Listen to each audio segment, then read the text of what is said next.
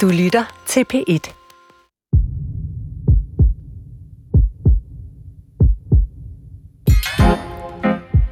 Kemi er overalt omkring os. Vores samfund er eksploderet i muligheder i takt med, at antallet af kemiske forbindelser er eksploderet. Tænk bare på madopbevaring, tilsætningsstoffer, gødning til marken, plantegift til ukrudtet, hudpleje, maling, legetøj. Og så den smartphone eller radio, som du lige nu bruger til at høre dette program. I morges hældte jeg mælk i kaffen fra en mælkekarton, foret med en tynd plastfilm af lavdensitets polyethylen. Og mit ansigt fik lige en omgang trefaset skønhedsolie, som jeg for første gang nogensinde i dag har tjekket ingredienser på. Der var blandt andet 1,2 hexanediol og dimetiosin. Jeg kunne google mig til, at det sidste er flydende silikone. Hmm. Øh, I takt med den kemiske revolution har vi altså også fundet ud af, at kemien ikke kun er til det gode. Senest i Korsør, hvor 187 øh, voksne og børn i overvis uforvarende har indtaget fluorstoffet PFOS, efter at have spist lokalt kød fra køer, som græssede på en forgiftet mark. Og der er kemien jo virkelig svær at have med at gøre, fordi det er et, så utroligt små, usynlige mængder, det drejer sig om, og to, det er så svært at forudsige konsekvenserne. I Korsørs tilfælde mener man, at fluorstoffet kom fra en lokal brandskole, hvor PFOS blev brugt som effektiv brandslukningsmiddel. Det var altså bare aldrig meningen, at brandskummet skulle ende nede på marken hos køerne, end sige ophobe sig i kroppen hos først køer og så mennesker. PFOS er blevet koblet sammen med hormonforstyrrelser, nyrepåvirkning, forhøjet kolesterol, stofskiftesygdom. Men hvad med alle de andre kemiske stoffer? Bisfenoler, talater, parabener. Det sørger mig godt, at jeg har fået to kemispecialister i studiet i dagens syg nok til at hjælpe os igennem denne kemiske jungle. Mit navn er Maja Thiele. Velkommen til Sygt nok om kemi og sundhed. Og velkommen ikke mindst til mine to gæster. Tina Kold Jensen, professor i Miljømedicin på Syddansk Universitet, og Terje Svingen, lektor på Fødevareinstituttet på Danmarks Tekniske Universitet. Øhm, Tina og Terje, hvor mange kemiske forbindelser vil I tro, I har været i kontakt med i dag, inden vi landede her i studiet? Åh, oh, det ved jeg. Det kan jeg slet ikke svare på. Det, det har jeg ikke nogen idé om. Mange. Ja. Er, vi, er vi i tusindvis? Er vi i 10.000vis? Hvad tror jeg? Det kommer litt an på, hva du definerer med i kontakt med. Hva som kommer inn i vår kropp, og hva som er på utsiden, som vi bare berører. Det er også to forskjellige ting, tenker jeg. Men uh, vi er i hvert fall oppe i hundrevis. Mm. Men, men hvad med dig, eh, Terje? Gør du der nogle overvejelser om det? Altså vælger du øh, jamen, øh, nogle særlige måder at opbevare din mad på, eller undgår du nogle typer mad, nogle typer materialer øh, for at undgå kemi? Jeg forsøger vel at, at være lidt opmærksom på mig selv. Ikke? Um, især bruge plastik uh, på den korrekte måde. Uh, hvis Hvad mener du med det? Hvis vi har container som ikke er ment til at, at opvarme fødevarer i mikroovnen, så skulle man helst undgå at og bruge de til det, ikke? for da kan de, de lægge fra sig kemi. Og, så det er ikke hos dig, man finder øh, spaghetti bolognese-rester i en isbeholder? Øh, Nej, det går helst ind i, i porcelænsskålen eller glasskålen, tænker jeg. Øh, hvad med dig, Tina Kold Jensen? Ja, altså jeg tror, jeg har ligesom taget, man skal jo leve, og derfor er jeg ikke... Øh fanatisk, men jeg prøver, altså for eksempel sådan noget med glas og plastik, og jeg køber også økologiske hudplejeprodukter og spiser gerne økologisk, hvis jeg kan, og tænker over, hvad for noget bagpapir jeg vælger, og sådan, så jeg tænker over det, men jeg lever også, altså man skal også leve. Øh, øh, og, ja, fordi det kan være, at vi lige sådan skal, skal prøve at rise op, altså hvordan kan, hvordan kan kemiske øh, sådan stoffer, øh, som ikke er ment inde i kroppen, komme ind i kroppen. Terra nævnte at, og, og indtage det selvfølgelig, men, men øh, jamen for eksempel cremer, er det, er det sådan et, et hyppigt produkt, som gør, at man optager kemi? Ja, det vil jeg sige. Um, det kommer jo an på, hvad for nogle kemikalier cremen består af, men, men det er jo oplagt, hvis, hvis du tager creme på din hud, så forsvinder jo cremen. Uh, så hvor forsvinder den hen? Den fordamper ikke ud i luften, den går jo ind i din krop. Uh, og den kan jo ta med sig kemi. Um, så vi har jo noen kemikalier, f.eks. noe eh, parabener og sånn, som kan eh, transporteres inn i kroppen på, på det viset. Mm. Og UV-filtre og, og ulike stoffer. Altså når man bruger solcreme? Øh, Ja. ja. Ja, det er jo ikke bare solcreme. Det er jo ret interessant, at vi finder UV-filtre i urinen hos alle de gravide i Odense Børnekortet, som jeg er leder til daglig af. Øhm, den, øh, der, der kan vi måle det hos stort set alle, og det er jo ikke sommer hele året, så derfor så tyder det jo på, at de her solfiltre, det er for eksempel også i andre typer creme og puder og makeup, og derudover er det også i noget typer vaskepulver for at hindre, at tøjet bliver bleget. Okay. Og, og, og hvad du, du nævnte, øh, Tina, øh, du nævnte øh, madpapir. Hvad er det lige med det? De her perfluorerede stoffer, altså PFOS eller PFAS, som vi kalder hele gruppen af stoffer, de findes jo i de er enormt vand- og fedtafvisende, så de findes jo i rigtig mange produkter, som vi er glade for. Altså det kan være voksduer, mikrobølgepopcorn og teflon og bagepapir og på indersiden af madpapir og sådan. Og derfor så tænker man, eller jeg tænker, man kan godt være enormt bevidst om, at man spiser økologisk og, og, og rigtigt, men, men hvis man opbevarer maden forkert, eller har økologiske, økologisk rugbrød der på steg, men har almindelig mad, mellemlægspapir i madkassen, så kan man stadig optage de her stoffer, fordi de netop ofte findes i indpakningen. Mm. Og, og hvad er det lige, der er så farligt med de der fluorstoffer øh, under en, en bred kamp? Hvorfor er det, man er så nervøs for dem? Fordi de har en meget lang halveringstid, mennesker, altså det er sådan noget 6-8 år. Så den eneste måde, man sådan, det vil sige fra man får dem ind, og til man har kommet af med halvdelen af dem, så går der op imod 6 år. Og det vil sige, den måde, man, at det er meget svært at komme af med dem, når man først har fået dem ind i kroppen. Og øh, kvinder kommer faktisk bedst af med dem ved at menstruere, eller ved at give dem videre til deres børn, først til fosteret og efterfølgende via amning. Så derfor er det bare nogle øh, grimme stoffer at have i kroppen, fordi de er så lang tid om at komme ud igen. Det er vel også det, der er, er noget af problemet i Korsør, ikke? At, man, at man har nogle mennesker, som har meget høje niveauer af de her stoffer, og der er ikke rigtig nogen måde at få, få niveauet ned igen. Ja, lige nu er vi sådan set ved at lave et forsøg, hvor vi prøver at give dem noget medicin, for at prøve at se, om vi kan få dem til at udskille det hurtigere. Men det er på forsøgsniveau endnu. Det kan også være, at vi lige skal tage, fordi vi kommer til at snakke sådan kemi over en bred kamp her i programmet, men, men det er jo, kemi er jo ikke bare kemi, det, det ved I om nogen. Øh, kan I prøve at sådan skelne mellem de forskellige typer, skal vi sige farlige stoffer, det man er opmærksom på, altså parabener, talater, pesticider, fluorstoffer? Talater, som har været, øh, som, som er sådan blødt gjøringsmiddel i, i plastik, og, og de har været brugt i, i rigtig, rigtig mange år, og de har sterke hormonforstyrrende eh, effekter når de kommer inn i kroppen. Vi har bisfenoler. Bisfenol E er jo noe som har vært oppe i, uh, i diskusjon i mange mange år nå, som har blitt uh, delvis forbudt i, i, en del land, i en del produkter. Um, Hva bruker man dem til? Det er også for å, i plastikk. Um, inni de gamle dåser og, og sånne ting. Ikke? Den der plastikk som var inni tomatburken og, og coladåsen og de der. Men de brukes også i plastikk for å gjøre plastikken klar og, og hård. Um, så, så den har noen riktig gode egenskaper. Problemet er at den også er um, ehm, hormonforstyrrende. Um, ehm, og så har vi parabenet, som vi nevnte, som er sånn konserverings... Som man bruker i kremer, kosmetikk og sånt. Kan også brukes i førevarer. Um, så har vi disse fluorokjemikalene som er brukt i alt mulig, uh, som er riktig slemme fordi de, de opphoper seg også i miljøet. Vi blir jo aldri kvitt de der, de der stoffene. Så det er PFOS er det? PFOS, PFOS ja. ja. Mm. Jeg kan jo fremdeles huske når jeg gikk på folkeskolen og var lille dreng der, og vi fikk besøk av, av brannvesenet, og de kom. Yeah. Og de spylte skum utover det hele, og vi fikk beskjed om at du skal ikke ut i det der skum. Uh, og det tok to sekunder etter at frøken hadde snudd seg, så lå jeg og badet ute i det der skum. Ikke? Uh, og, og, og, det er jo fremdeles i, i miljøet, uh, alle de her stoffene. Ja, for eksempel i, i læste jeg mig til, altså mange møbler uh, indeholder ja. det netop for ikke at være så uh, brandbare. Lige nøjagtigt. Og Men også, at de, de er jo også gode til at overflade. Altså, for eksempel, når du spiller på en ny sofa, så kan du nærmest tørre det af. Det kommer ikke ned i stoffet. Det er også på grund af de her perfluorerede stoffer. Ja. Så, når... så det er jo egentlig nogle stoffer, man, man skal være glad for, fordi, som jeg nævnte indledningsvis, de har en rigtig god funktion. Ja, de har en supergod funktion, og for det de brukes til, så er det jo det bedste vi har. Men, men, men det er jo ikke så godt hvis de har skadelige effekter. Jeg kan jo selv tale, som de fleste har nok forstått det, det kommer fra nå. Der er man jo riktig glad i fluorostoffer, for man bruker det også på klær for å holde vær og vind ute, ikke? for ja. at ikke man skal bli, bli våt. Og det har også vært en stor debatt her med alle de der Eh, på, de bruker det som skismøring. Ja. For at det går riktig hurtig på, på, på snøen. Ikke?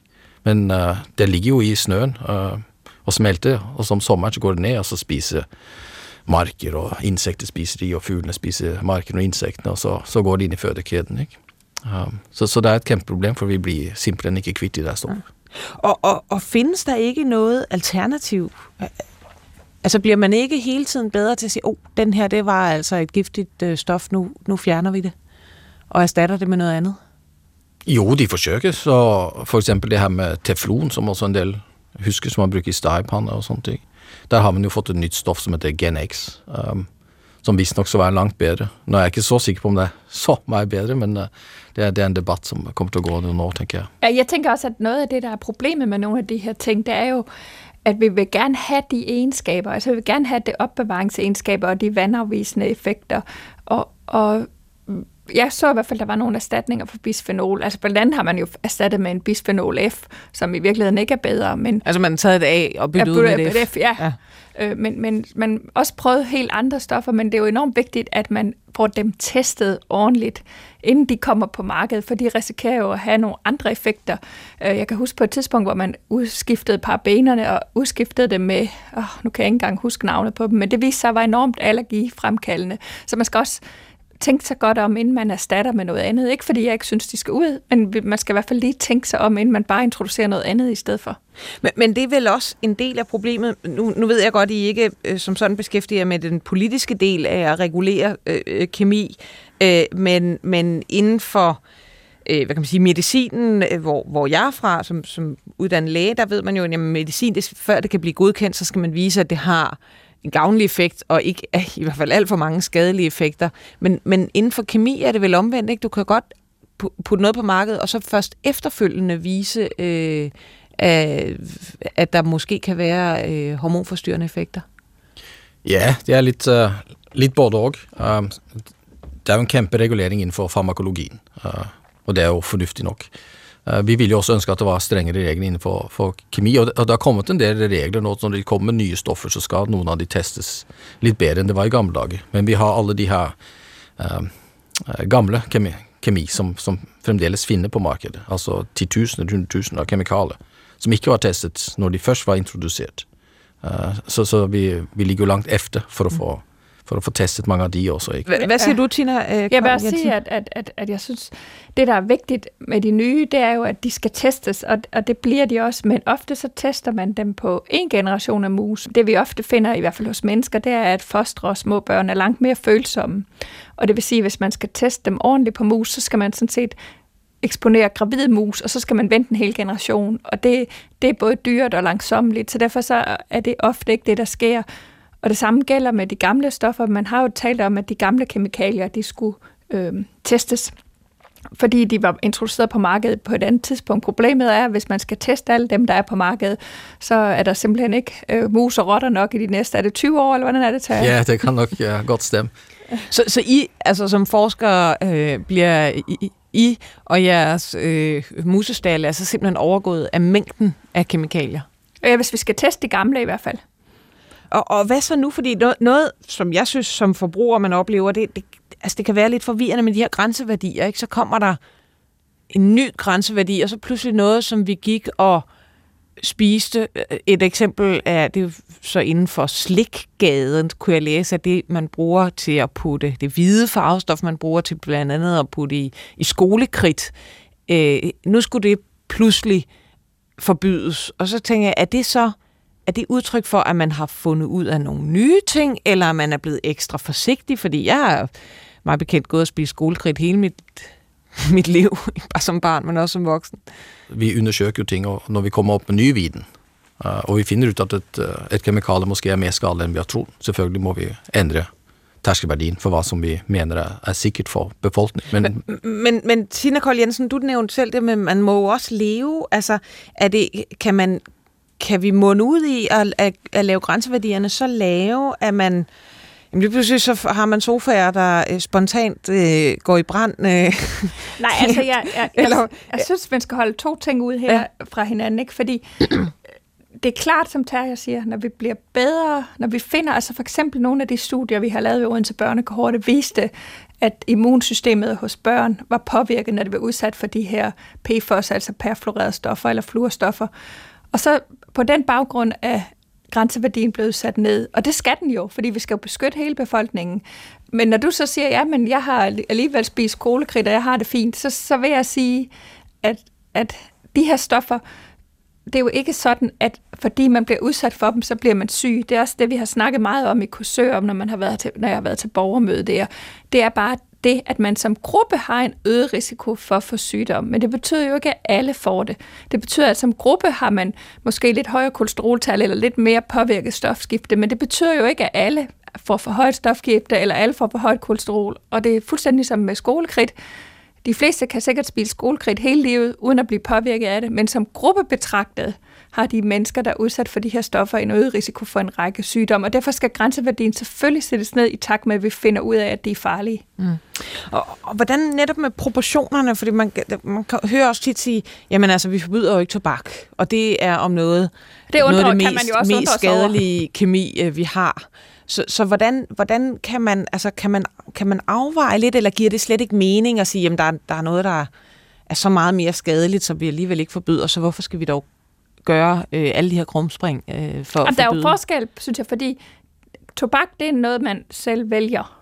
Det her, det er jo ikke noget, altså man kan ikke læse på deklarationerne, øh, øh, om de her stoffer er der, eller i hvilke mængder. Så det er noget, vi alle sammen er udsat for, og det er noget, vores gravide og ufødte børn og små børn og gamle, og vi er alle sammen uforvarmt udsat for det. Jo, og det, altså, det overraskede mig, da jeg skulle lave research her til programmet, hvor svært det egentlig er at finde ud af, hvad pokker øh, de forskellige ting er lavet af. Jeg har også alle mine morgenboller i en plastikemballage. Jeg kunne da ikke overhovedet finde ud af, hvad den plastikemballage egentlig Det kan man nemlig ikke. af. Det er ofte ikke deklareret, og derfor kan man købe økologisk mel, som er i en øh, melpose, der er alligevel er coated med de her perfluorerede stoffer på indersiden af melposen. Så derfor er det enormt svært at finde ud af, øh, hvad, hvordan, altså, hvordan man bliver udsat for det. Det kan vi jo også se, når vi måler det hos danskere i urin og i blod, så kan vi måle det hos stort set alle. Og det betyder, at ligegyldigt om man lever økologisk, eller sundt, eller vegetarisk, eller hvad man gør, så er vi alle sammen udsat for det. Men, nu nævnte øh, du, øh, Tina, at du selv brugte økologiske cremer, så, så der må alligevel, du må alligevel have en idé om, at, øh, at der er noget, der måske giver mere kemi end andet. Nej, jeg tror bare, det er det, jeg selv kan gøre noget ved. Men, men, men det, de økologiske cremer kan jo godt, hvis de ikke opbevares i glas, så kan det jo godt, øh, så kan det også være i, i plastikken. Ikke? Men, men det, er, som jeg har, min tilgang til det er i virkeligheden, at jeg synes, at der er et eller andet forkert for mig i, at creme skal kunne holde sig i fem år. Fordi det, der sker med økologisk creme, det er jo, at det kan ikke holde sig ret længe. Og det er fordi, der ikke er alle de konserveringsmidler i, og det, det, det har jeg sådan, hvorfor, hvorfor, det er jo ikke for, at det er godt for min hud, det er simpelthen for, at creme kan holde sig længe, så producenten kan producere store mængder. God pointe.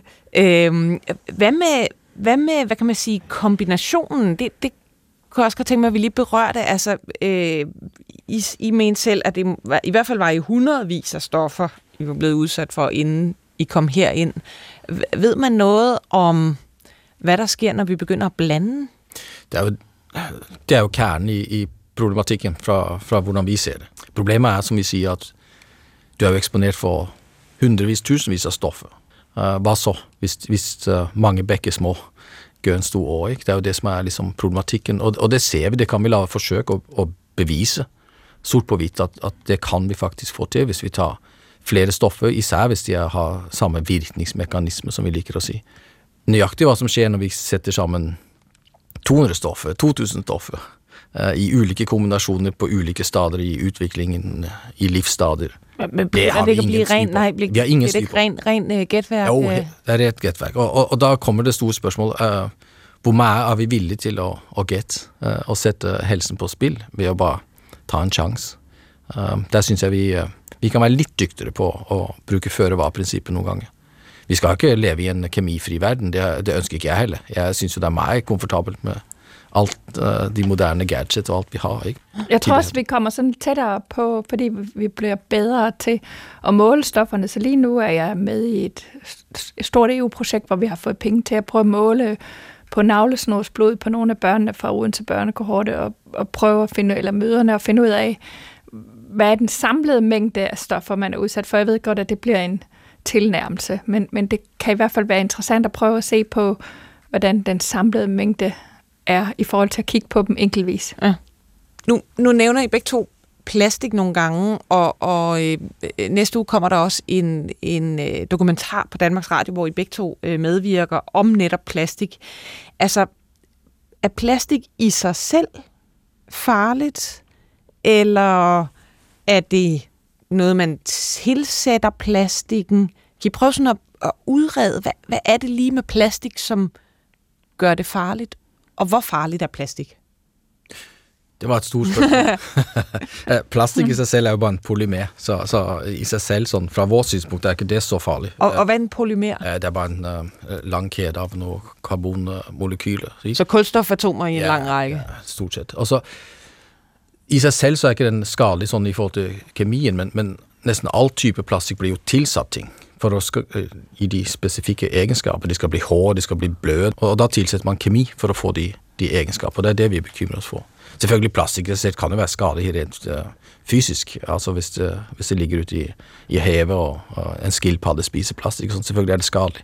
Men, men det er en helt annen en debatt enn den kemi vi tenker på. Ja, det er nemlig det, jeg synes er enormt vigtigt at skille. Fordi jeg bliver tit spurgt, jamen der er så meget plastik i verdenshavene, og så bliver det til mikroplastik, og det spiser fisken, og det er farligt. Og det er der ingen tvivl om, det er. Men det er noget andet.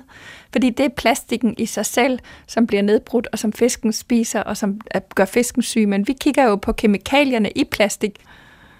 Kan I komme med nogle, nogle almene råd, hvis nogen, der sidder nogle lyttere derude og tænker, skal jeg erstatte altså alle mine øh, Tupperware øh, plastikdunke med porcelæn eller øh, Nej, jeg Glas. synes, uh, jeg synes vi skal være fornuftige og være pragmatisk. Um, altså de som sitter og lytter nå, I kan bare kigge rundt i ikke? Og, og kigge på alt som er og se hva som faktisk er plastikk der i side. Det er stort sett det meste, ikke? Altså det er så mye plastikk at det er jo nesten uh, skremmende når man først begynner å lete efter.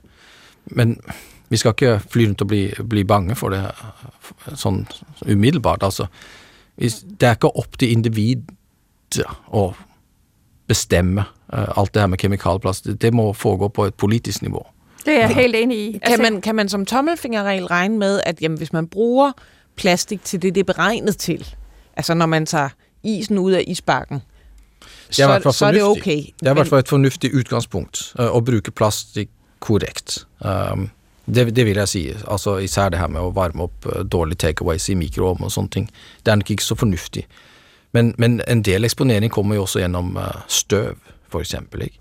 Så all den her plastikk du driver og typer på din uh, computer om dagen altså, Det er jo sånne mikropartikler som hele tiden løsner opp, så det blir mer støv rundt omkring, og det ånder man inn, og man får det gjennom man spiser det og sånne ting. Ikke? Så, så det er sånn man egentlig ikke har noe som helst Og det, er også, det, det bliver nemlig lidt, at de ting, vi kan kontrollere, og det er fødevarene, men det er jo også, altså, øh, hvad hedder det, øh, vinylgulve, det er jo også fyldt med talater, det indånder man også, så, og det kan du heller ikke gøre for, altså derfor, så, så er det altså, Jeg, jeg synes ikke, I har gjort mig sådan meget mere øh, sikker i min sag. Øh, næste gang vi ses, så jeg flyttet ud i skoven øh, og Nå, men bliver jeg, jeg er enig med Terje. Jeg synes bare, man skal tage det... øh, Altså, øh, og jeg, jeg synes nemlig også, at det her det er et problem, som man skal løse på befolkningsniveau ved regulering. Det kan jo ikke være rigtigt, at den enkelte forbruger skal stå nede i supermarkedet og kigge på hver eneste varedeklaration og indpakning for at finde ud af, hvad det indeholder. Og det er trods alt kun dem, man pakker ind med, man så finder ud af, hvad med alt det, der er, som man indånder, og som er i computer og i gulve og alt muligt andet byggematerialer. Så jeg, jeg synes, at man som samfund skal regulere stofferne, så almindelige mennesker kan færdes i det, uden at skulle tage stilling hele tiden. Du lytter til Syg Nok i dag om kemi og sundhed. Med mig i studiet er Tina Kold Jensen, professor i Miljømedicin på Syddansk Universitet, og Terje Svingen, lektor på Fødevareinstituttet på Danmarks Tekniske Universitet. Øh, og Terje, så er du også specialist i øh, et, et meget fint ord, reproduktiv øh, toksikologi. Øh, det er jo noget, man tit, hvad kan man sige, støder på, i hvert fald det med reproduktion, Mm. øh, når det handler om hormonforstyrrende stoffer. Er der noget, som, hvad kan man sige, kemi bliver Ja. øh, bundet sammen med, så er det tit det hormonforstyrrende. Hvad, hvad, hvad, hvad snakker du om, når du snakker om hormonforstyrrende stoffer og reproduktion? Ja, det er, det er viktig å definere, for, for reproduksjon kan være så mangt. Det kan være din eh, fertilitet som voksen. Eh, men det eh, jeg og min forskninggruppe stort sett beskjeftiger oss med, er utviklingsbiologi og reproduksjons under fosterstadiet. Altså hva som gjør at vi blir til drenge, eller hva som gjør at vi blir til pi. Og det er jo hormoner som er med å styre de her ting under utviklingen. Så, så hvis hormonnivåene er forstyrret når du utvikler deg, så blir også ditt reproduksjonssystem forstyrret, og måske din reproduksjonsevne. Som Altså voksen. gravide kvinder, der går rundt med et foster, Lige som så øh, bliver påvirket Ja. under fosterstadiet. Ja, for vi er, vi er særdeles sårbare for hormonforstyrring under fosterutviklingen. Det er det, det, er det mest sårbare um, perioden i ditt liv. Uh, og det, de skadelige effekter du eventuelt får under det, det, skal du ha med deg resten av ditt liv. Og, og øh, Tina Kold Jensen, du har også nogle gange nævnt øh, øh, børnekohorten i Odense. Er det noget lignende, I øh, prøver at undersøge, vil ved at observere kvinder og deres børn? Ja, altså de her hormonforstyrrende stoffer, de påvirker jo hormonbalancen, og det vil sige, at de, de virker ligesom hormoner. Når man er et foster i udvikling, der er cellerne jo meget, meget pr- mere primitiv og kan dele sig til alt muligt forskelligt, og der bliver dannet flere millioner celler hver dag, og derfor kan man godt forestille sig, at de skader, man får, hvis man påvirker hormonbalancen i den periode, de kan blive irreversible og kan påvirke mange organsystemer. Altså det kan fx være nogle af de celler, der skulle have været knogleceller, de bliver til fedtceller, eller nogle af hjernens signalstoffer bliver påvirket. Og det er det, vi har prøvet i Odense Børnekortet, hvor vi har fulgt nogle gravide fra, øh, de var tidlig i graviditeten i 2010 til 12, og så har vi fulgt deres børn op, og det vil vi blive ved med, indtil børnene bliver 18 år, hvor de kommer til kontroller og undersøgelser, og vi måler nogle af de her stoffer og undersøger børnene, blandt andet med intelligenstester, ADHD-tester, motoriske tester og alle mulige andre test. Så I har simpelthen målt på kvinderne, da de var gravide, diverse blodprøver for netop at se, hvor, hvor meget havde de af forskellige øh, kemiske stoffer i kroppen. Og, og, hvad, altså hormonforstyrrende stoffer, hvornår begyndte man første gang at sætte en forbindelse mellem øh, kemiske øh, stoffer, eksempelvis i plastik, og så øh, hormonforstyrrelser? Vi skal tilbage til tidlig 90'erne, i slutten av 80'erne, der, uh, hvor, hvor liksom hormonforstyrrende stoffer blev, blev virkelig sat på, på dagsordenen. Uh, og, og Danmark var jo en av de centrale spillerne her med, med tidligere um, um, arbeid inn på Rikshospitalet. Hvordan, hvordan fik man ideen? Vi så flere og flere skadelige effekter på, på mange parametre. Altså, det var ikke kun reproduksjon, men det var reproduksjon som virkelig startet der med hormonforstyrrende eh, effekter. Hvor man- Jeg tror allerede meget tidligt, det der DDT, som er sådan et, Ja, DDT, et, nemlig. øh, et, øh, et stof, der blev brugt rigtig meget i malariabekæmpelse, og det var et rigtig godt øh, insektid til at slå, slå myg og slå alle mulige andre insekter ihjel. Men man fandt jo så, fordi det ophobes i fødekæden, så fandt man, at pludselig kunne de store rovfugle ikke klække deres æg, og, og, og krokodillerne blev tvækkønnet. og sådan og Det tror jeg var i virkeligheden begyndelsen til, at man begyndte at tænke på, at gud, nogle af de her stoffer, de kan være farlige. Hvis, hvis vi tager eksempel fra reproduktion, som er min verden, de så en økende øh, tendens til at det var flere og flere drengebørn som ble født med misdannelse kønnsorgan, um, og at fertiliteten var dalende. Um, især i Danmark og en del vestlige land. Så gikk, uh, sædkvaliteten, ikke? Sædkvaliteten, ja. ja. Og da kom denne teorien opp at hele fundamentet for din reproduksjon, den legges jo under fostertilværelsen. Så hvis, hvis du uh, hvis du roder med utviklingen av testikler under fostertilværelsen, så vil du faktisk få dårlig fertilitet som voksen. Så er du ligesom allerede som barn født med et rigtig dårligt udgangspunkt. Ja, dit utgangspunkt er dårlig, lige Ja, jeg tror faktisk også, at noget af det, som var den stærkeste markør, det var sådan noget som testikelkræft, og testikelkræft var, er jo stigende, og Danmark har en kedelig verdensrekord i testikelkræft, eller det havde de i hvert fald på det tidspunkt. Øh, og testikelkræft er jo kendetegnet ved, at det er en sygdom, som unge mænd får.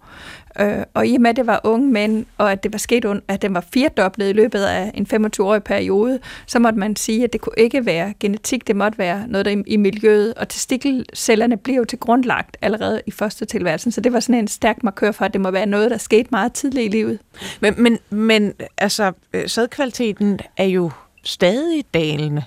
Er det, hvis vi begyndte at være opmærksom på det her i 70'erne og 90'erne, hvorfor, øh, hvorfor pokker er der så ikke blevet gjort noget ved det? Ja, det må du ikke spørre meg om. Eh, Men, men altså, det er jo ikke Det, det er jo mange årsaker til at uh, sædkvaliteten daler. Eh, det er også noe med livsstil å gjøre. Så, så det er mange parametere som spiller inn her.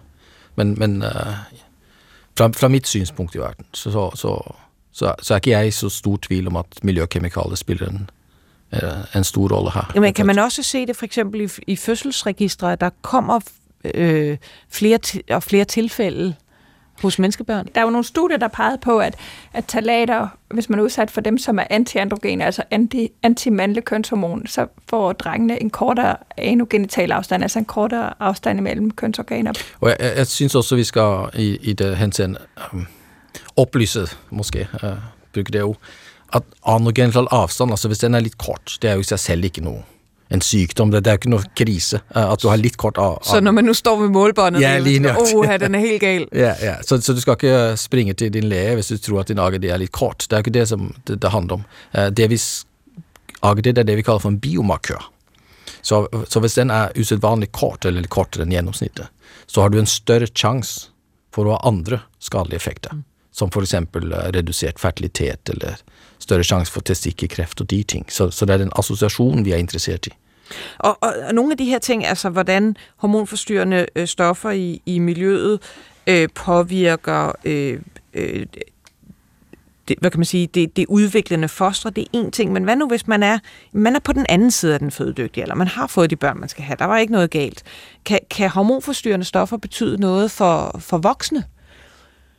Det kan det da, men, men effekten vil jo ikke være like dramatisk, vil jeg jo sige. Um, så, så jeg er jo ikke like, jeg er jo en, en, uh, en mann i middelalderen, så jeg er nok, ikke like bekymret for min egen helse, som hvis jeg for eksempel skulle være en, en uh, ung pige på 25, som skulle få børn, ikke? da ville jeg være me- meget mere forsigtig.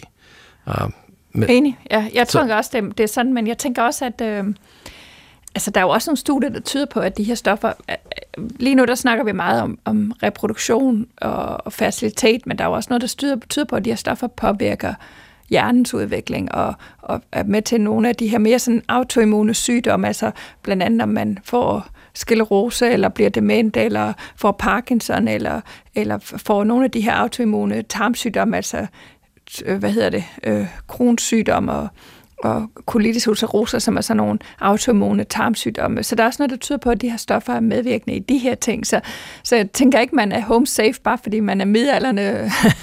så, ja. nej, det, Og hvad, ja, og hvad øh, øh, Tina, øh, når man, altså efter man er kommet ud af maven øh, i, øh, af sin mor i, i sådan en sikker afstand til fødekanalen, øh, som, som barn, kan hormonforstyrrende stoffer øh, have en virkning der? Det kan de sagtens. Altså, jeg tror, også, børn er jo... Man skal jo hele tiden holde sig for øje, at hjernen udvikles jo.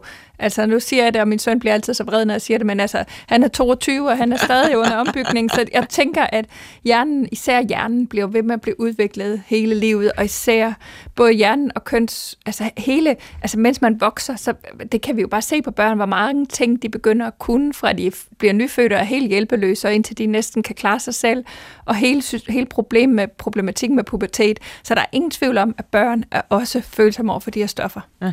Og, og øh, Terje Svingen, i, øh, du nævnte øh, tidligere den her altså såkaldte cocktail-effekt, at, vi, Ja. at det kan være rigtig svært at forudse, når man har mange øh, stoffer, som eventuelt virker på den samme måde. Jeg prøvede at slå lidt op. Vi har snakket om, om øh, øh, PFOS øh, tidligere, øh, og, og, og fandt et, et amerikansk studie, hvor man også havde kigget på sådan en stor amerikansk kohorte, og det, det, det var jo virkelig svært at skelne, fordi så har de målt mange forskellige af de her stoffer, og så var der nogle af dem, der fik testosteronniveauet til at gå op, og Ja. nogle fik det til at gå ned, og det var, det var, det var enormt svært at sådan finde hoved og hale i det.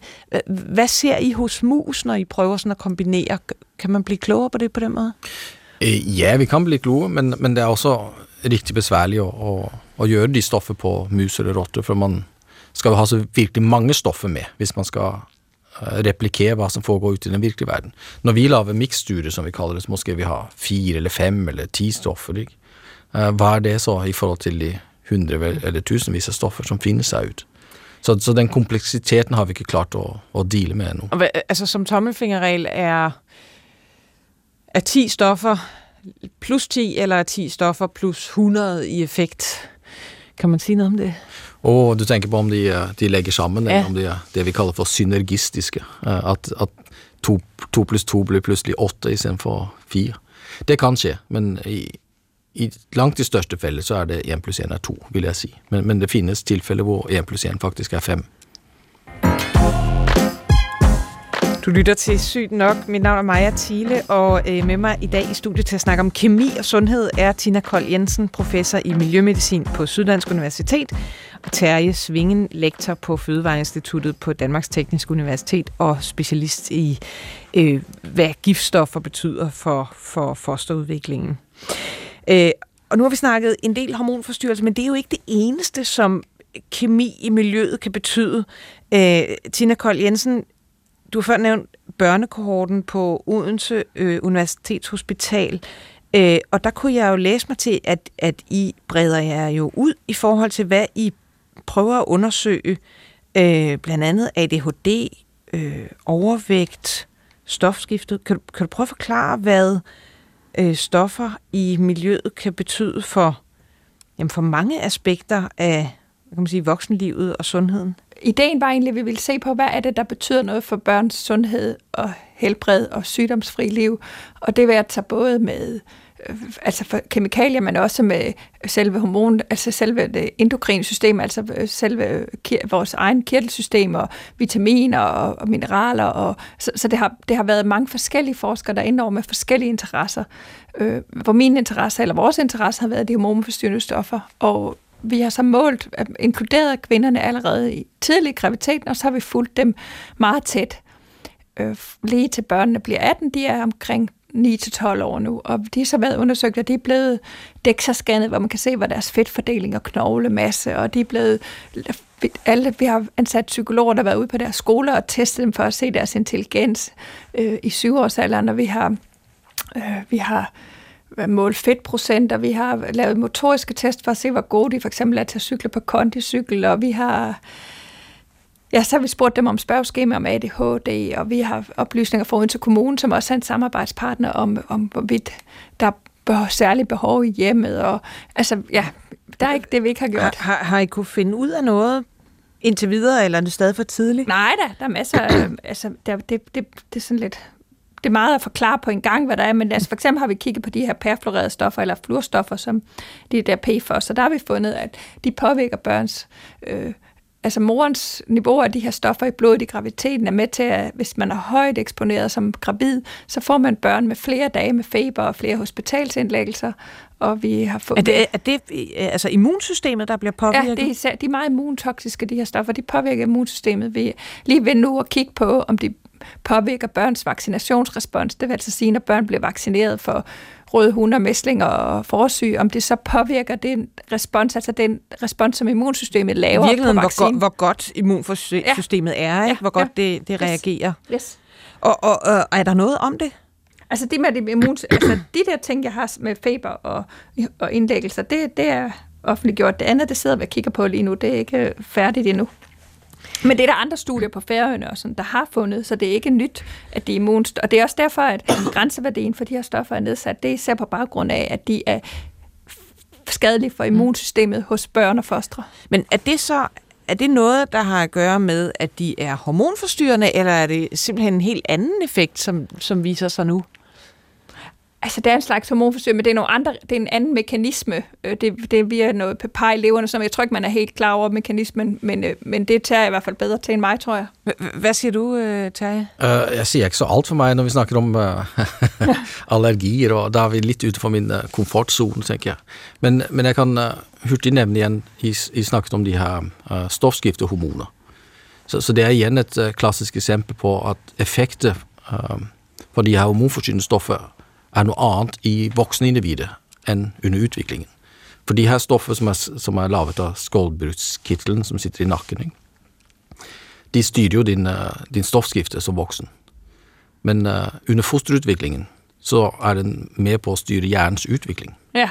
Uh, og, og, og, de stoffene det er det moren som produserer, og, og gir gjennom placenta over til fosteret. Så hvis de stoffnivåene, eller hormonnivåene, er redusert betraktelig, så vil ikke hjernen utvikle seg som den skal, og, og da kan vi få langtidsskadelige effekter som kan måske gi seg utslag i ADHD og uh, dårlig læreevne og, og sånne ting. Så altså vores skjoldbruskhormoner, som har en funktion, når vi er blevet, blevet voksne, ja. i forhold til at regulere stofskiftet, øh, de har i virkeligheden en meget vigtig betydning for hjernens udvikling i fosterstadiet, og derfor nøjagtigt. kan hormonforstyrrende stoffer, som påvirker skjoldbruskkirtelens hormonbalance, påvirke øh, foster, fosterets hjerne. Lige nøjagtigt. Ja.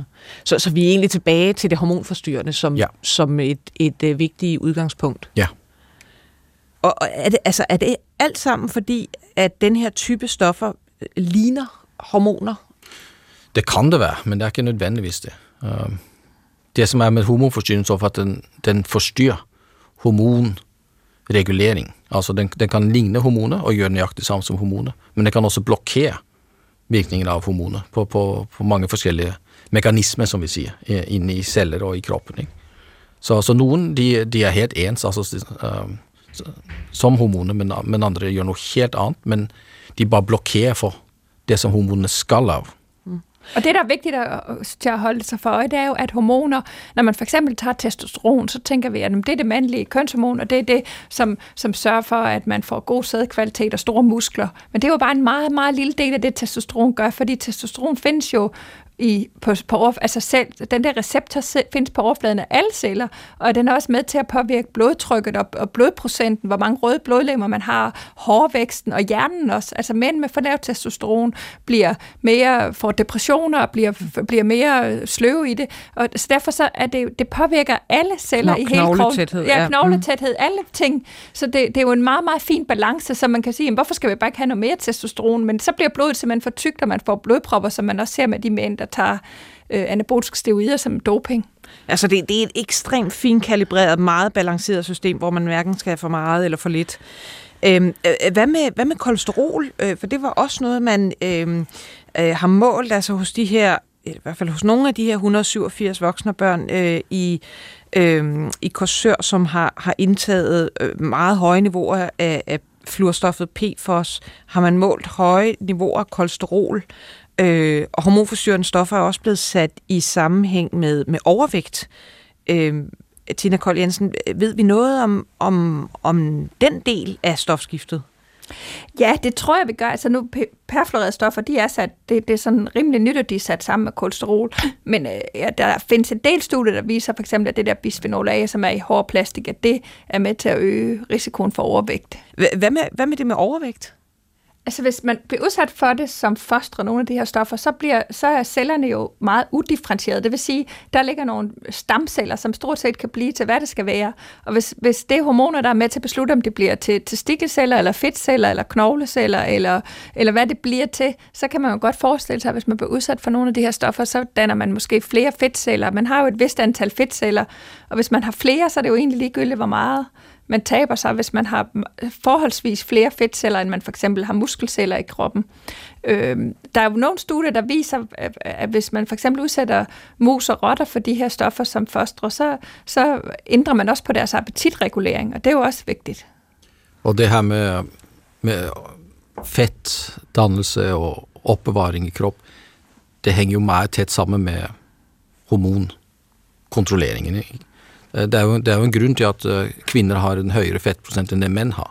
Og, og det bunner seg også ut i disse sexhormoner, testosteron og østrogen.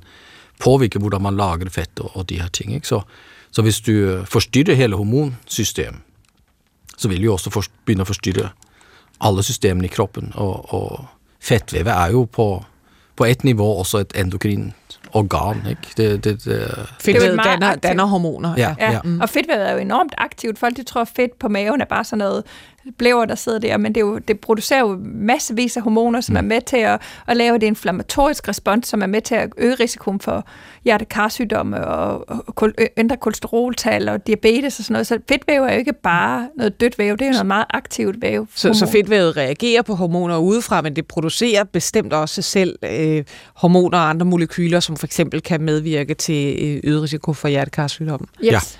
Ja. Øh, altså rent, hvis man skal prøve at sætte nogle tal på, fordi det bliver jo diskuteret en hel del, øh, øh, når man snakker om, om fedmeepidemien, jamen hvad, hvad årsagen er. Hvorfor, hvorfor stiger forekomsten af, af overvægt? Øh, og der er der jo mange, der siger, at det kan ikke kun forklares ved, at der er en øget adgang til højenergimad. Øh, altså det kan ikke kun forklares ved, at vi, at vi simpelthen overspiser. Øh, der er andre ting på færre. Hvis, hvis I som sådan øh, kemiforskere, øh, miljømedicinforskere skulle prøve at sætte et tal på, hvor, hvor meget vil I tro, at hormonforstyrrende stoffer spiller ind på fedmeepidemien? Her personligt så har jeg ikke lyst til at, at sætte noget tal på det, for, for vi, vi forskere er lidt... lidt det kan man aldrig bede forskere om. men, det er også det, jeg er jo ekspert på reproduktion, ikke? så det her med epidemien, fedmeepidemien, det er lidt, lidt ud for min komfortzone. Uh, men, men igjen, det er jo multiparametrisk. Det er jo også livsstil. Uh, men, uh, men, men Terje, tror du, at det spiller en rolle? Ja, det gør jeg. Det tror jeg også, men jeg vil nødt sætte tal på. Til gengæld vil jeg sige, at fedmeepidemien er jo så voldsom, så hvis der bare kan forklare 1% eller en halv procent, så er det stadigvæk rigtig, rigtig mange mennesker. Men jeg vil også som tager, jeg har slet ikke lyst til at tage et sæt tal på, for der tror jeg slet ikke, vi er endnu. Du lytter til øh, Sygt nok, mit navn er Maja Thiele, og jeg har med mig i studiet Tina Kold Jensen, professor i Miljømedicin på Syddansk Universitet, og Terje Svingen, lektor på Fødevareinstituttet på øh, DTU. Og til de lytter, der har hørt med, så kunne jeg altså først høre uh, Terje Svingen fortælle, at 2 plus 2 nogle gange er 5, og nu øh, øh, både Tina Kold Jensen og Terje Svingen ikke ville sætte nogen som helst tand på, hvad, hvad kemiske stoffer kan betyde for, for overvækstepidemien. Øh, øhm, vi har været, været vidt omkring, øh, men det er jo tydeligt, at der stadig mangler meget viden inden for det her felt. Hvor, hvor tror I, tingene vil bevæge sig hen i løbet af de næste 5-10 år øh, i forhold til at undersøge hvad kan man sige, den kemi, vi omgiver os med, og så øh, dets effekter på vores sundhed? Uh, jeg vil jo sige, inden for, for mit eget fagfelt i hvert fald, og min forskning, så den store skift, som har sket nå de sidste 5-10 år, det er et, et langt større fokus på at forklare, hvordan kemikalier uh, øh, giver skadelige effekter. Så, så i de første 10-20 år av, av denne forskningen så har det vært meget fokus på effektene. Altså de her effekter ser vi, og det er en assosiasjon med de her kjemikaliene, men vi har ikke forstått hvordan de her effektene oppstår. Uh, øh, og, og det har det vært meget fokus på nå, og grunnen til at det er meget fokus på det, er ved at vi, vi utarbeider den viten. så tror vi i hvert fall som forskere at vi er i langt bedre stand til å gjøre noe med det. Kan det, kan det blive sådan, at man, når der kommer et nyt ja, øh, kemikalieprodukt på markedet, en ny type plastik eller en ny måde at behandle plastik på, at man så i fremtiden kan være meget bedre til at forudsige, at det her det skal bare aldrig blive til noget, fordi det har Lige nogle af de elementer, der gør det ja. giftigt. Så, så det er det, som ligger i det her med mekanismeutredning, som jeg siger. Så, så hvis vi forstår, uh, hvad som driver de her effekterne, så kan vi jo på et tidligt stadie teste nye kemikalier i uh, ulike modeller, som vi har i laboratorier og sådan, og predikere, som vi siger. Uh, altså forudse, om, forudse at, uh, om de er ok, eller om, om man skal holde sig fra dem. I stedet for at vente uh, og se, om vi, vi får en effekt i en population.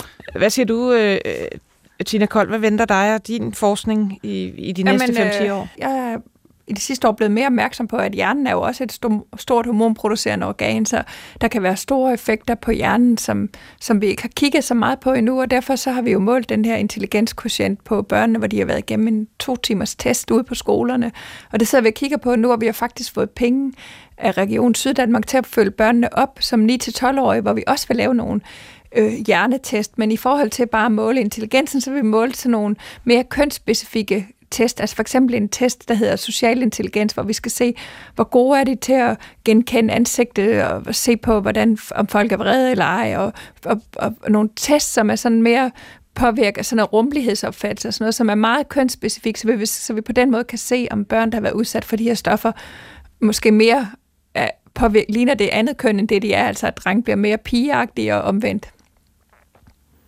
Og, og, og, og hvis man nu, kan man sige, du nævnte tidligere, at, at alle, alle mødrene var udsat for det her. Altså, hvor store forskelle snakker vi i, blandt de gravide mødre i forhold til, hvad de, hvad kan man sige, og der hvad er de har haft meget i, stor i kroppen? Ja. Der er meget stor forskel. Altså, 10 gange fra den høje til den laveste ved nogle af dem. Meget stor forskel. Er der også forskel på typerne så af, af kemikalier, der er i kroppen? Ja, altså talat er jo ikke bare talat, det er jo mange, jeg tror vi har målt 15 forskellige, og vi har også målt dem hos børnene nu, og vi kan se nogle andre talater hos børnene som syvårige end hos mødrene, fordi der simpelthen er sket en udskiftning i de talater, man bruger, øh, også på grund af regulering, så man øh, erstatter nogle af talaterne med nogle andre typer, som vi så kan måle hos børnene som syvårige. Så ja, der er stor variation. Og, og hvordan er der lignende, altså er der lignende øh, grupper af, af mødre og deres børn øh, ude i verden, som, som øh, man kan sammenligne med? Okay, der er masser af sådan kohortestudier, altså hvor man følger grupper af mødre og børn. Der er nogle amerikanske og nogle, øh, øh, der er et stort hollandsk studie også, og der er et fransk og det, det bruger, og norsk, og sådan, vi bruger meget tid på at sammenligne os med dem, for at se, om vi kan finde det samme. Og, og ja, hvordan ligger de danske kvinder så i forhold til mm, andre kvinder rundt omkring i verden?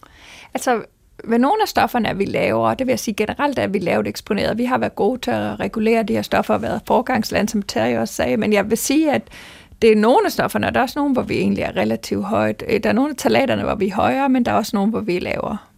Så, så ud fra, hvad kan man sige, også hvad andre har fundet ud af, hvad, hvad, hvad tror du, der kommer til at ske, for eksempel i forhold til det her med social intelligens og, øh, og IQ og, og hjerneudviklingen? Jamen altså, hvis, hvis de her stoffer pop, det er der andre studier, der har fundet, at de gør. Hvis de gør det, så er det jo, så er det jo, det er jo fuldstændig ligesom med kolesterol, og, og med, hvor vi snakkede om facilitet og om alle de andre effekter. Det betyder formentlig ikke særlig meget for det enkelte barn, om man har en intelligenskotient på 100 eller 101. Men hvis man flytter en hel befolkning, så de i stedet for at ligge med et gennemsnit omkring 100, kommer til at ligge med et gennemsnit på 98, så betyder det også, at der bliver flere ned i den evne, ende, vi kalder lav intelligens, og færre, der får rigtig høj intelligens. Og det er jo som samfund ikke særlig rart, men for den enkelte, det er jo igen det, vi snakker om, det, det er masser af mennesker, hvor det ikke betyder noget særligt, men som befolkning kan det godt betyde noget. Mm. Øh, jeg synes lige her til sidst, at vi skal øh, slutte programmet af med nogle myter, Øh, fordi det kan, det kan godt være sådan omgivet lidt, lidt mytisk med, med kemi i, i miljøet. Øh, så, så det bruger vi lige til at summere nogle øh, pointer op. Øh, jeg læste øh, et sted, det var for en tre år siden, kom det frem, at man skulle smide sit gamle Lego fra 70'erne ud, fordi det kunne indeholde tungmetallet cadmium, øh, de gule røde klodser specifikt. Hvad, øh, skal man ned i gemmerne alle de voksne børn, der, der har gemt deres Lego fra 70'erne? Skal de, ud, skal de smides ud? Jeg vil, uh, som nordmand, så våger jeg ikke at sige noget om Lego i Danmark. Tør du så? Nej, jeg ved, det har jeg simpelthen ikke. Lige netop det der har jeg, har ikke, jeg, jeg, jeg jo med slet ikke min ekspert, det ved jeg ikke. Skal man så smide gamle legetøj ud fra, fra før der kom lave grænseværdier? Der er ingen tvivl om, at legetøj med talat, det her legetøj, hvor det er blødt, hvor det begynder at krakelere, og hvor det er blød plastik, det, det som er gammelt og vasket i opvaskeren og slidt, det skal man smide ud. Okay, blødt legetøj med revner, ud mm. med det. Øhm, hvad med i det hele taget? Altså skal man passe på med at købe plastikdimser fra Kina? Ja, hvis, hvis man kan. I den, i den udstrækning man kan, så, så tænker jeg. Uh, det, er det kommer også an på, synes jeg meget, fordi der har også været en masse diskussion om plastikbolde. Jeg tænker, dem, dem sparker man til udenfor, det er måske knap så farligt. Jeg kan huske min lille niece, hun havde jo de der, hvad hedder de, squeezy, squeezy, squeezier, ja, oh, ja, det var også en... Uh... Og da, når jeg kom, så sagde min søster altid, skynd dig at lægge det væk, når Moster Tina kommer, for man kunne jo lugte det lugtede af talat jo. Ja. Altså, det har jo den der lugt, som nye bil også har, som de sprayer med det her talat for at få, til at få den der lugt af nye bil. Sådan lugtede det der, og det stod, sad de jo og puttede med fingrene. Altså, det kunne man jo sige sig selv, at man både indåndede og fik ind igennem huden. Så, så øh, der var en grund til, at squeezier blev relativt hurtigt fjernet fra hylderne igen? Men man undrer sig over, hvordan det kom ind på hylderne. Det gør jeg men, men der er vel, altså hvis vi snakker sådan øh, legetøj, andet øh, plastik, der bliver importeret ude fra EU, der er vel trods alt EU-regulationer af, hvad der, hvad der får lov til at blive solgt? Uh, det er en... Uh der skal du nok invitere nogle andre mennesker til at tage den problematikken, ja, ja. men den er, den er besværlig. Okay. Men, men, men det er ikke så sort og hvidt. Altså, der, der er mange ting, som kommer ind, som ikke vi har helt styr på. Så hvis vi skal komme med nogle gode råd, så, så det er ikke nødvendigvis en myte, at, at, at billig plastik kan være dårlig, øh, så Nej. brug den sunde fornuft. Nej. Ja, enig. Ja. Øhm, så er der en, jeg ved ikke om det er en myte, eller, eller om det er bare at sætte det sådan lidt hårdt mod hårdt, men kan man sige, at det er lige så skadeligt for ens sundhed at få PFOS igennem sit øh, drikkevand eller øh, kalvekød, som det er at ryge? Ja, altså kroppen er ligeglad hvor kemikaliene kommer fra. Altså det, det, det, det, er, det er jo likegyldig. Eh, så, så lenge stoffene kommer inn i kroppen, så, så er det et problem. Hvad siger du, øh, Tina? Jamen, jeg vil sige, jeg synes, det, det, det blev spurgt om nede ved det beboermøde, og jeg synes, det er vigtigt, at, altså, når vi taler om sådan noget her, så er det sådan noget med relativ risiko. Altså, det var mange gange større risiko, man har for at få noget, en eller anden sygdom, hvis man er udsat for det her. Og der vil jeg sige, med de her øh, øh, PFOS-kemikalier, der er risiko risikoen, det er sådan fra halvanden til, eller 1,1 til 2, det vil sige, at man maks har to gange øget risiko for at få en syg, for for højt kolesterol, hvis man er udsat for de her stoffer. Hvorimod med rygning, hvis det er sådan noget som lungekræft, så snakker vi jo 12-14 gange øget risiko. Så, så, så, så jeg synes, det, det kommer an på, hvad det er for en effekt, og hvad det er for en dosis. Det er jo det, alt er giftigt i en rigtig dosis. Og hvilke effekter ser vi på? Ser vi på lungekræft, eller ser vi på kolesteroltal, eller hjernens udvikling? Hvad er det, vi ser på? Så jeg synes, effekterne i det her, det er jo ikke, det er igen det, jeg har sagt før, at det ikke så skræmmende for den enkelte, men som samfund er det skræmmende, fordi vi alle sammen er udsat for det. Det var altså alt, hvad vi nåede øh, for i dag. Tusind tak øh, til mine to gæster, Tina Kold Jensen, professor i Miljømedicin på Syddansk Universitet, og Terje Svingen, lektor på Fødevareinstituttet på Danmarks Tekniske Universitet. Øhm, hvis I vil høre andre programmer, så har vi lavet et om hormonforstyrrende stoffer i øh, 2019, så der skal man lidt langt tilbage i øh, DR's øh, radioapp, øh, det er lyd. Øh, der, øh, jeg kan også anbefale et øh, genstartprogram om netop øh, PFOS øh, i, øh, øh, i samme øh, app. Og så er det altså på søndag, at der bliver sendt en dokumentar på DR1 om plastiks betydning for vores sundhed, hvor dagens to gæster også medvirker. Vi har en mail, som er åben. Den er, hedder sygt nok, snabelag dr.dk. Øh, det her program blev produceret af Victoria Tovino. Mit navn er Maja Thiele. På hjertelig genhør.